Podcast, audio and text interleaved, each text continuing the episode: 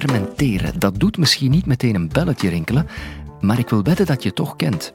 Brood, bier of yoghurt ontstaan namelijk op die manier. Het concept? Wat basisvoedingsproducten bij elkaar gooien en wachten tot bacteriën het werk doen. Echte hipsters die doen het bijvoorbeeld door groenten in potten te steken. Ideaal voer voor bio-ingenieurs zoals Sarah Lebeer, die onderzoeken of dat wel allemaal gezond is. Dit is de Universiteit van Vlaanderen.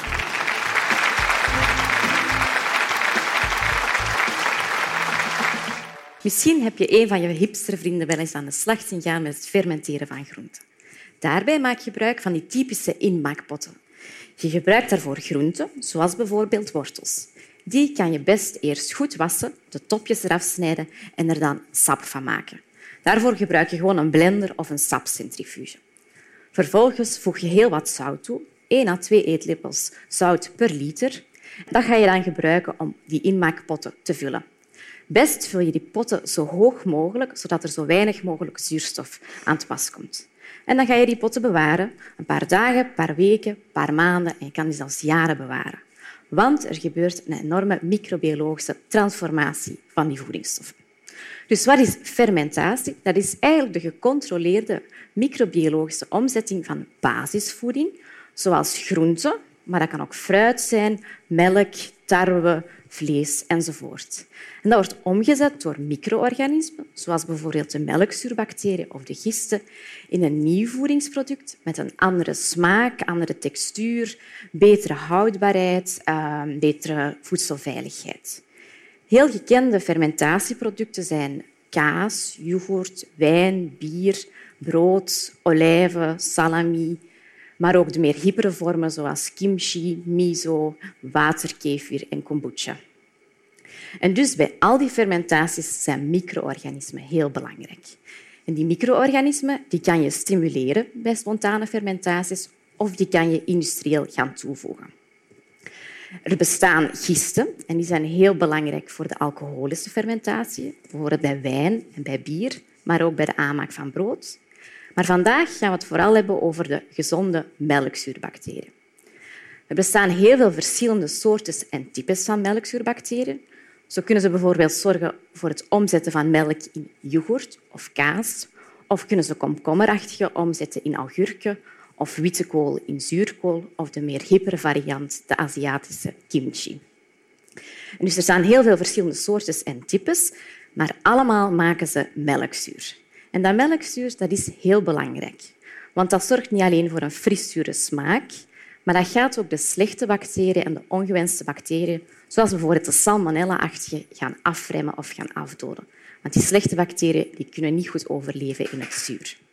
En dat is belangrijk voor de houdbaarheid. Vandaar dat heel veel van die gefermenteerde producten heel lang bewaard kunnen worden. En dat was vroeger heel belangrijk toen er inderdaad nog geen koelkasten waren. Ondertussen zijn fermentatieproducten terug hip en vooral omdat ze lekker en gezond zijn. Al meer dan 100 jaar geleden werden die melkzuurbacteriën geacht gezond te zijn. En die werden vooral beroemd door een Frans-Russische Nobelprijswinnaar, Elie Metchnikov, die meende dat die melkzuurbacteriën heel gezond waren. Hij won wel zijn Nobelprijs niet voor die melkzuurbacteriën, maar voor de ontdekking van immuuncellen. Maar hij bestudeerde ook hoe mensen heel oud konden worden. En hij dacht het antwoord gevonden te hebben met het bestuderen van de Bulgaarse boeren. Want er waren toen al heel veel boeren die heel oud werden, tot meer dan 100 jaar oud. En die boeren die aten heel veel yoghurt en zure melk. En hij meende dat die zo oud konden worden omdat die melkzuurbacteriën ook in hun darmen de slechte bacteriën konden afremmen en konden zorgen dat die geen toxines produceerden. Dus mede door zijn reclame en ook door zijn bekendheid begon in de vorige eeuw heel wat apothekers yoghurt te verkopen. En er waren ook heel wat dokters die yoghurt voorschreven, bijvoorbeeld tegen darmproblemen, maar ook tegen jicht, reuma, tandplak, verstopte aders en zelfs seksueel overdraagbare aandoeningen. Toen er tijd zonder veel wetenschappelijk bewijs, maar sindsdien is het bewijs eigenlijk alleen maar toegenomen. Ook de verkoop van yoghurt is al lang niet meer alleen uh, in de apotheken. En bijvoorbeeld Danone is al meer dan 100 jaar geleden begonnen met de verkoop van yoghurtjes in potjes. Maar het is ook eigenlijk pas echt populair geworden met de hippies in de jaren 60, die het toen zagen als een nieuw, duurzaam, lekker en gezond product. Die melkzuurbacteriën, zijn die nu gezond? Wel, het onderzoek naar de gezonde bacteriën dat is het domein van de probiotica. En probiotica dat is een beschermde definitie door de Wereldgezondheidsorganisatie. Dat zijn eigenlijk levende micro-organismen die, wanneer je opneemt in voldoende hoeveelheden, een gezondheidsbevorderend effect kunnen uitoefenen. Dus die levende micro-organismen die kunnen zitten in gefermenteerde producten, maar dat moet niet. Volgens de definitie is het heel belangrijk dat het gezondheidsbevorderende effect goed bewezen is in klinische studies. En dat is niet zo eenvoudig.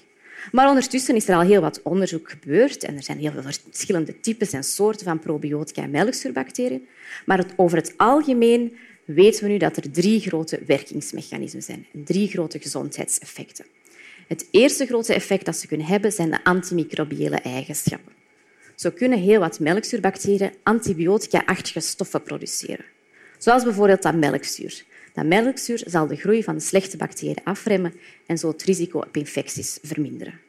Vandaar dat heel wat melkzuurbacteriën aangeraden worden, bijvoorbeeld bij diarree en andere infecties. Het tweede grote mechanisme is, zijn de metabolische effecten. Zo zijn die melkzuurbacteriën levende micro-organismen. Dat wil zeggen dat zij allerlei enzymes en metabolieten en uh, vitamine maken en aminozuren. En al die stoffen die kunnen ons helpen bij de vertering, maar ook allerlei andere fysiologische effecten uitoefenen.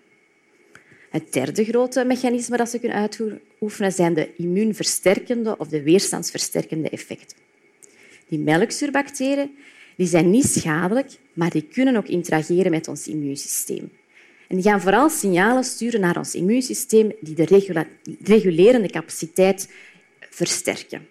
Vandaar dat er heel wat studies nu aantonen dat melkzuurbacteriën ehm, het risico op verkoudheid kunnen verminderen of op andere luchtweginfecties of kunnen helpen bij allergieën, en vooral tegen eczeem en voedselallergie. Maar niet alle melkzuurbacteriën kunnen dat even goed. Er is dus nog heel wat verder onderzoek nodig. Dat is ook het onderzoeksdomein waar ik me mee bezig hou. Wij proberen als moleculaire microbiologen eigenlijk te onderzoeken welke eigenschappen en welke moleculen nu maken hoe melkzuurbacteriën gezond kunnen zijn. En ik heb mij dan ook lang vooral bezig gehouden met de melkzuurbacteriën op zichzelf, in hun pure vorm, zoals je ze bijvoorbeeld ook in gedroogde vorm kan kopen bij de apotheek. Hoe ben ik dan zelf in contact gekomen met de meer hippere vorm van het fermenteren van groenten en andere producten? Eigenlijk eerder toevallig. Op een uh, zondagochtend las ik in de weekendknack een column met de bekende chefkok Kobe Desramo, een van onze bekendere Michelin-sterrenchefs. En hij schreef vol passie over zijn gefermenteerde groentesappen, wat hij aanbood in zijn restaurant als alternatief voor wijnen, een alcoholvrij alternatief. En hij prees hun lekkere smaak, maar ook de aanwezigheid van heel gezonde melkzuurbacteriën. En hij noemde die de lactobacteriën.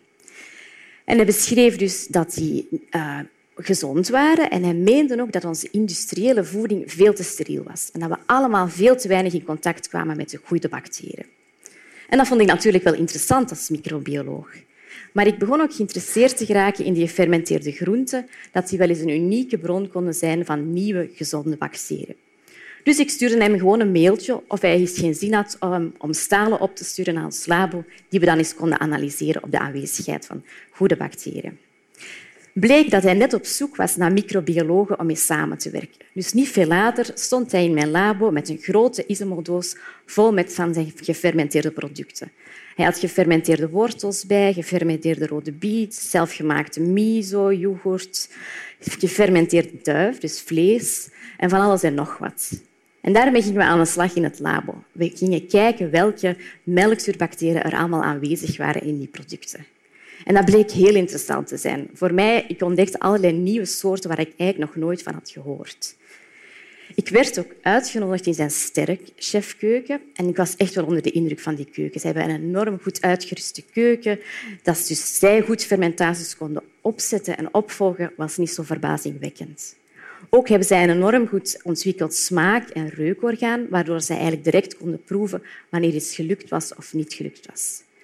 Want ik vroeg mij als bioingenieur toch ook wel af of dat niet eens fout kon gaan, zeker bij de niet-professionele thuisfermenteerders. Want ik weet dat er ook wel ziektekiemen in kunnen groeien. Dus besloten we om een citizen science project op te starten. En daarbij vroegen we actief de hulp van thuis fermenterende hipsters. We zochten 40 deelnemers die voor ons thuis wortels wilden fermenteren. En dat wortels in het Antwerps Pekes noemden we het project Ferme Pekes. En die hipsters, of die thuisfermenterende uh, hobbykoks, we vroegen hen om wortels te fermenteren uit hun eigen moestuin, maar dat mocht ook uit de supermarkt zijn of uit de bioboer. En ze mochten ook hun eigen inmaakpotten gebruiken. Ze moesten wel allemaal evenveel zout toevoegen. Dat was toen 25 gram per liter. En dan vroegen we hen om na één dag, na drie dagen en na dertig dagen een staal naar ons laben op te sturen. En al die stalen gingen we dan analyseren op de aanwezigheid van melkzuurbacteriën. Enerzijds, maar ook op de aanwezigheid van de ongewenste slechtbacteriën. En hier kan je grafiek zien van die resultaten. Dus de goede bacteriën zijn de bacteriën in het geel. De slechte bacteriën zijn de bacteriën in het rood. En we hebben de evolutie van die bacteriën in de tijd opgevolgd. Wat is er dan belangrijk om te zien op die grafiek? Dat de goede bacteriën laag beginnen, maar enorm stijgen in de tijd. Hoe konden we nu die goede bacteriën doen stimuleren? Dat was dus door het toevoegen van dat zout, door het vermalen van de wortels, waardoor de suikers vrijkomen, waardoor die bacteriën kunnen groeien, en door het luchtdicht afsluiten van de pot, want ze hebben geen zuurstof nodig om zo goed te groeien. Wat zie je ook op die grafiek? Dat die slechte bacteriën veel hoger beginnen en dat die in het begin ook echt nog wel hoog zijn. Het is dus belangrijk om een fermentatie lang genoeg te laten staan, zodat de slechte bacteriën weggeconcureerd worden door de goede bacteriën. En hier op de grafiek kan je zien dat na 30 dagen dat het aantal helemaal gereduceerd is. Wat zie je nog? Dat uh, die gele lijn bijna zo hoog gaat als het aantal bacteriën in Yakult. Dat zijn industrieel geoptimaliseerde fermentatieproducten. En dat vond ik wel interessant, want dat wil zeggen dat je met een gefermenteerd ambachtelijk wortelsapje ook heel veel goede bacteriën zou kunnen innemen. Maar wat nog interessanter was uit de resultaten, is dat we een hele nieuwe biodiversiteit aan melkzuurbacteriën terugvonden. En dat kan je zien op de volgende grafieken. We, vroegen, we hebben namelijk al die 40 fermentaties van die deelnemers geanalyseerd, samen met twee labofermentaties. En we, gaven elk, we gingen die analyseren op de aanwezigheid van specifieke types van melkzuurbacteriën. En elk type kreeg een andere kleur. En dan kan je op de grafieken hier zien dat er verschillende kleurtjes te zien zijn. Dat wil zeggen dat elk, elke wortelfermentatie een iets andere melkzuurbacterie had. En die biodiversiteit is eigenlijk heel interessant, omdat theoretisch elk type een iets andere immuunstimulerende werking gaat hebben. En dat is interessant voor onze gezondheid, want die diversiteit bevorderen is heel belangrijk. Maar wat misschien ook nog belangrijk is om aan te tonen op die grafiek, is dat we niet bij al die deelnemers die toename in die melkzuurbacteriën zagen. Er waren er ook zeker twee deelnemers waarbij de fermentatie niet zo goed gelukt was. En eigenlijk wisten we dat al op voorhand, omdat die ons hadden gezegd dat hun fermentatie niet zo goed rook. En inderdaad, we vonden dus geen goede bacteriën en we vonden veel te veel slechte bacteriën. Dus om af te sluiten, is die fermentatie hypogezond en is al dat fermenteren wel gezond? In ieder geval hebben die melkzuurbacteriën wel heel wat heilzame potentiële effecten. We weten alleen nog niet goed of al die melkzuurbacteriën uit die gefermenteerde groenten wel in voldoende aantallen aanwezig gaan zijn in onze darm om daar al die immuun- en metabolen en andere effecten te gaan uitoefenen. Maar ik geloof wel heel sterk in het potentieel van gefermenteerde groenten omdat groenten op zich heel gezond zijn. Ze hebben veel vezels, ze zijn vitaminerijk, ze zijn caloriearm. Ze zijn ook geschikt voor mensen met een melkallergie of een uh, lactoseintolerantie of een veganistische levensstijl. Daarnaast is het ook een ideale manier om voedselverspilling van groenten tegen te gaan. Ik zou dus zeggen, ga allemaal zeker eens aan de slag in de keuken, maar volg de richtlijnen wel goed, want het kan ook wel eens fout gaan. Dus ik zie ook wel heel wat potentieel in de industrie die zich kan laten inspireren door die thuisfermenterende hipsters. En die kan helpen om lekkere, gezonde en duurzame producten met gefermenteerde voeding mee te ontwikkelen, die op een veilige manier gemaakt worden. Krijg je maar geen genoeg van al dat lekkers? Luister dan zeker naar de aflevering van Tine Walravens over sushi uit de supermarkt. En like en share als je het de moeite vond.